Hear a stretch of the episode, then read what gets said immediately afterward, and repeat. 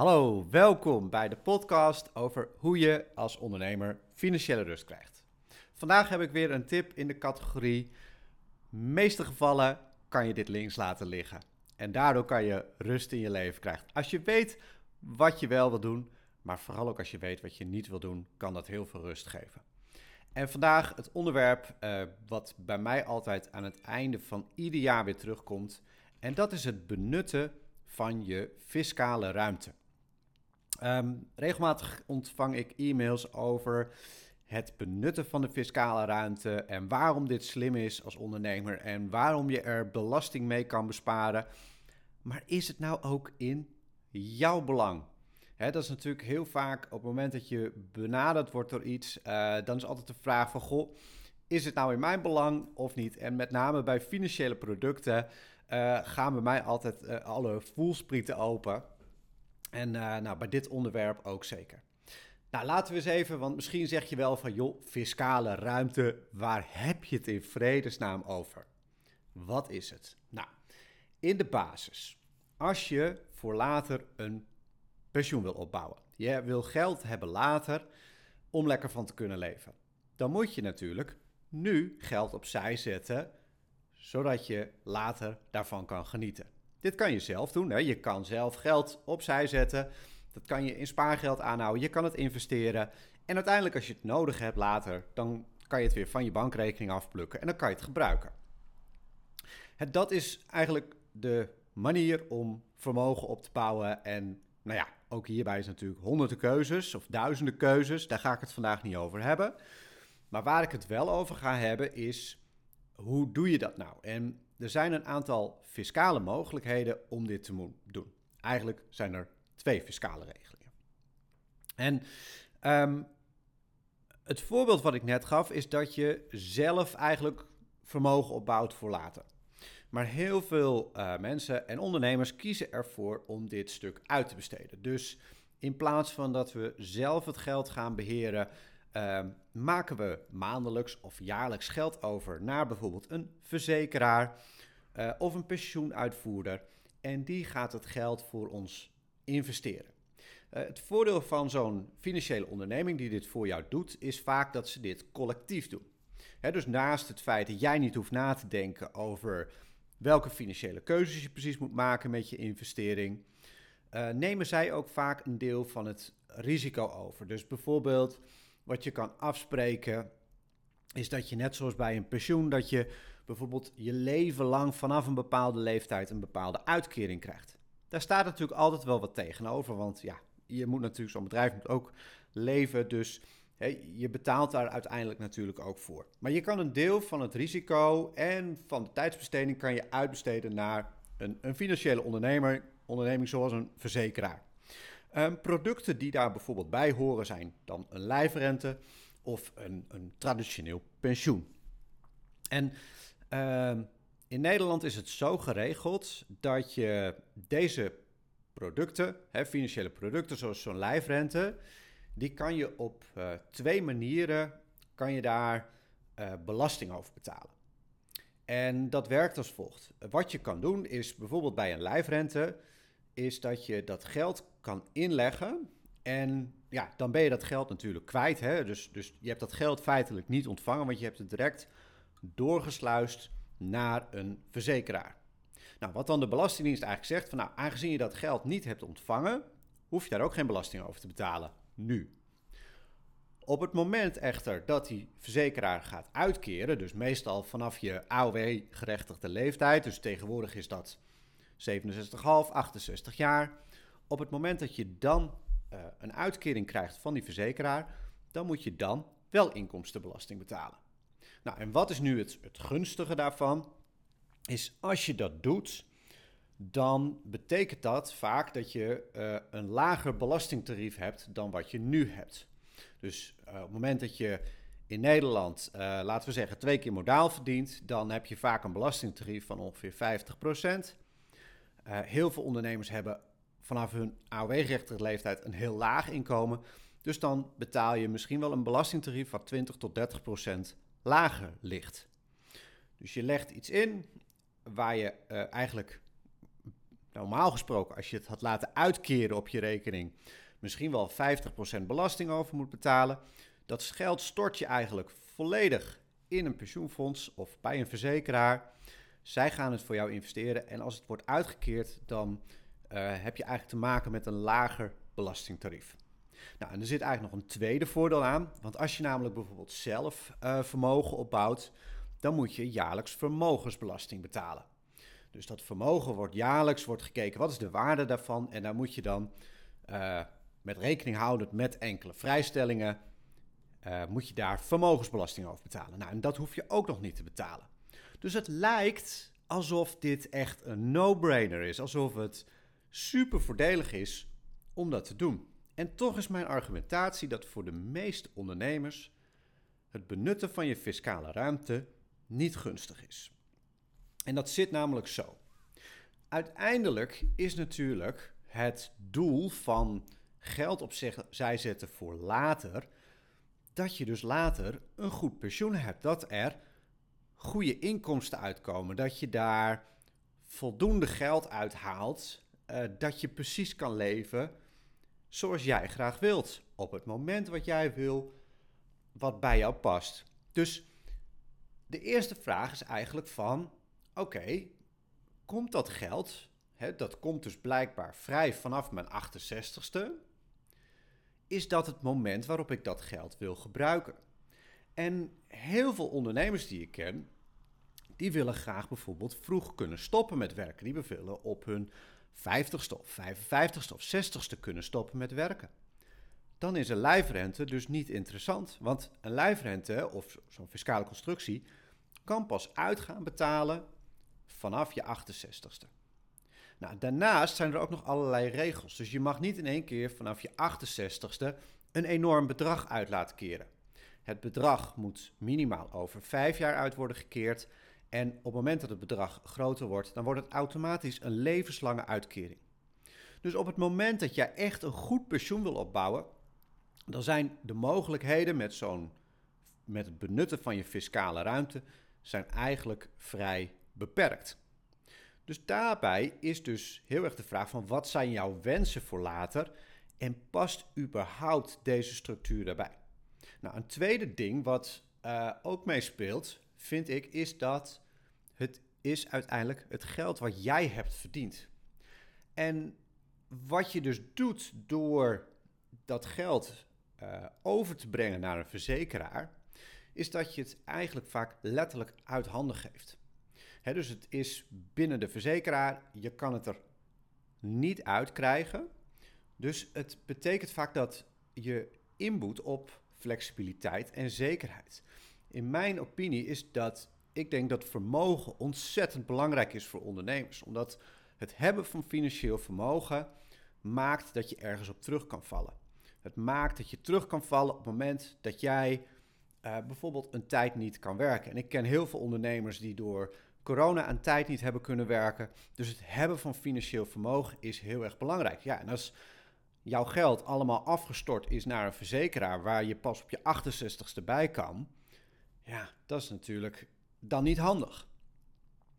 Uh, ook een belangrijk punt is, is dat net zoals bij uh, veel pensioenen, zijn veel van de voorwaarden die je ziet bijvoorbeeld ook bij lijfrentes, is dat uiteindelijk als er iets met jou zou gebeuren, bijvoorbeeld als jij komt te overlijden, dat dat geld in meer of mindere mate overdraagbaar is bijvoorbeeld aan je partner of aan je kinderen.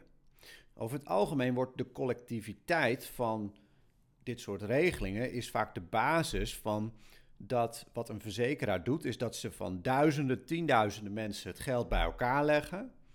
En ja, de ene persoon uh, die haalt de leeftijd van 68 niet en de ander wordt misschien 100. En wat een verzekeraar doet, is die middelt dat. Dus die weet dat, dat je gemiddeld ongeveer een aantal jaren zal profiteren. Dat betekent dus ook dat als jij vroeg zou overlijden, dat het geld in feite nodig is voor andere verzekerden. En dus niet bijvoorbeeld voor jouw nabestaanden. Dus het, het maakt ook in het stukje van als je bijvoorbeeld je kinderen zou willen helpen, is dit vaak soms niet de meest handige keuze. Eigenlijk is er als je kijkt naar het stukje flexibiliteit wat je wil hebben als ondernemer, één situatie waarin het wel interessant kan zijn. En dat is een situatie waar je eigenlijk ehm, ongeveer, nou laten we zeggen, maximaal vijf jaar voor de AOW-gerechtigde leeftijd staat. Want op dit moment is natuurlijk feitelijk wat je kan doen, is je kan nu geld inleggen op een fiscaal gunstige manier. En je weet eigenlijk met redelijk hoge zekerheid dat over vijf jaar dat geld alweer terug kan komen naar je. En dat is natuurlijk heel fijn. Maar als je, laten we zeggen, eh, jonger bent dan 60, dan is in veel gevallen is eigenlijk ja, vanuit het oogpunt van flexibiliteit, zekerheid, is het benutten van de fiscale ruimte uh, vaak niet wenselijk. Nou, dan is er nog natuurlijk het punt van, goh ja, is dat belastingvoordeel wat je kan behalen nou zo werkelijk zo interessant? Is dat nou hetgene waarvoor je het moet doen? Want daar wordt natuurlijk op geadverteerd hè, dat dat maakt dat je dit, uh, ja, een kans is die je zeker moet grijpen. En laat ik het zo zeggen, in de meeste gevallen uh, is het ook natuurlijk best wel gunstig. Uh, want als je het zou vergelijken met het geld op je spaarrekening zetten, dan is natuurlijk die belastingvoordelen, die wegen daar wel tegenop. Als je het geld op je, op je spaarrekening zou zetten, dan krijg je 0% rente. Je moet ook nog vermogensbelasting betalen. Dus dan is dit eigenlijk vaak een, een gunstigere manier. Het punt is echter dat als je het hebt over uh, later uh, vermogen opbouwen voor een pensioen, dan hebben we het vaak over periodes van minimaal 10, maar vaak 20, 30 of soms wel 40 jaar. En daarbij is het vaak veel gebruikelijker om, en, en veel nuttiger om iets meer risicodragend te gaan investeren. Dus eigenlijk zou je het rendement ook daarmee moeten gaan vergelijken. Je moet appels met appels gaan vergelijken. over het algemeen is het gewoon, uh, als je kijkt naar het, het, verwachte rendement wat je kan halen, bijvoorbeeld door te sparen over 20 of 30 jaar, is het veel gunstiger om daarbij iets meer risico te nemen, omdat je ziet eigenlijk dat zelfs in de slechtste gevallen je met wat risico nemen toch een veel beter rendement kan gaan halen dan uh, eigenlijk te, te gaan sparen. Dus als we kijken naar uh, het geld inleggen in zo'n fonds, hè, want dat is het eigenlijk vaak, of een, een verzekering, dan moeten we eigenlijk dat werkelijke rendement ook gaan afzetten tegen iets wat je zou doen als het vergelijkbaar als je het, als je het zelf in handen zou hebben. En wat je daarin heel veel ziet, is dat uh, binnen dit soort lijfrente pensioenproducten dat er vaak heel erg uh, defensief geïnvesteerd wordt. Wat betekent dat er heel vaak bijvoorbeeld uh, leningen mee opgekocht worden van de overheid, waar dus renteinkomsten en aflossingsinkomsten op zijn, maar eigenlijk relatief vaak weinig mee uh, geïnvesteerd wordt.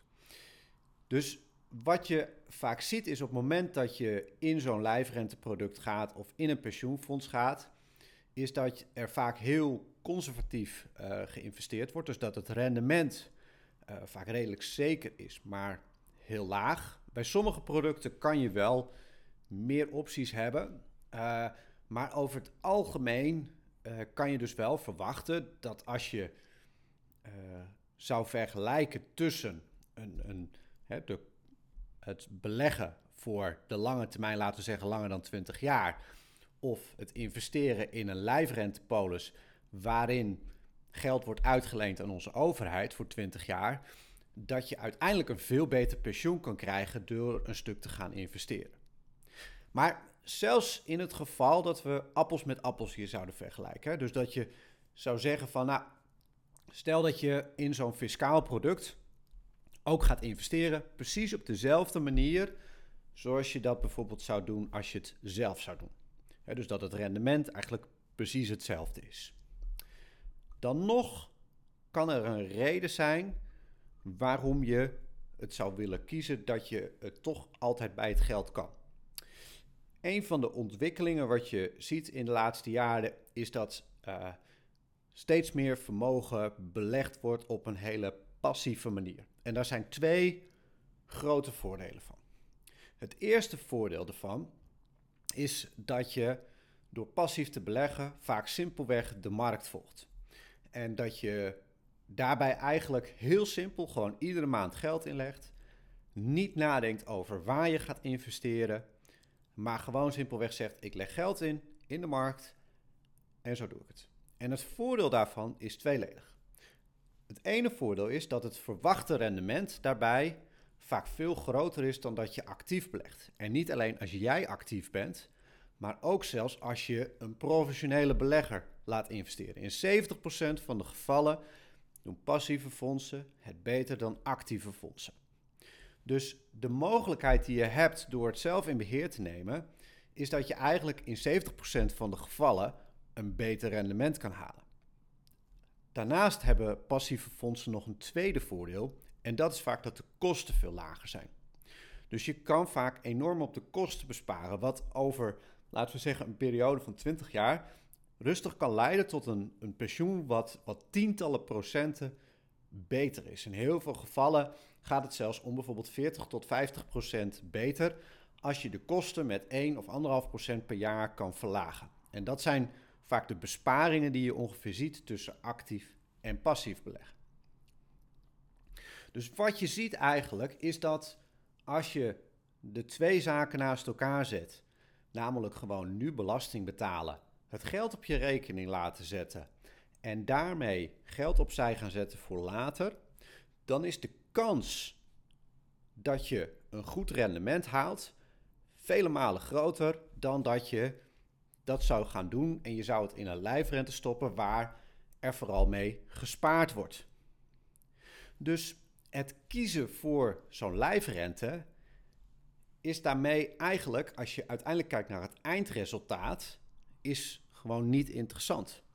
Want het rendement wat je kan halen in privé is veel beter.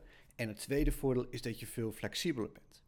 Het grote probleem, en daar zit eigenlijk wel de crux in, is dat voor heel veel mensen is het dus een vergelijking tussen sparen of in zo'n lijfrenteproduct stoppen.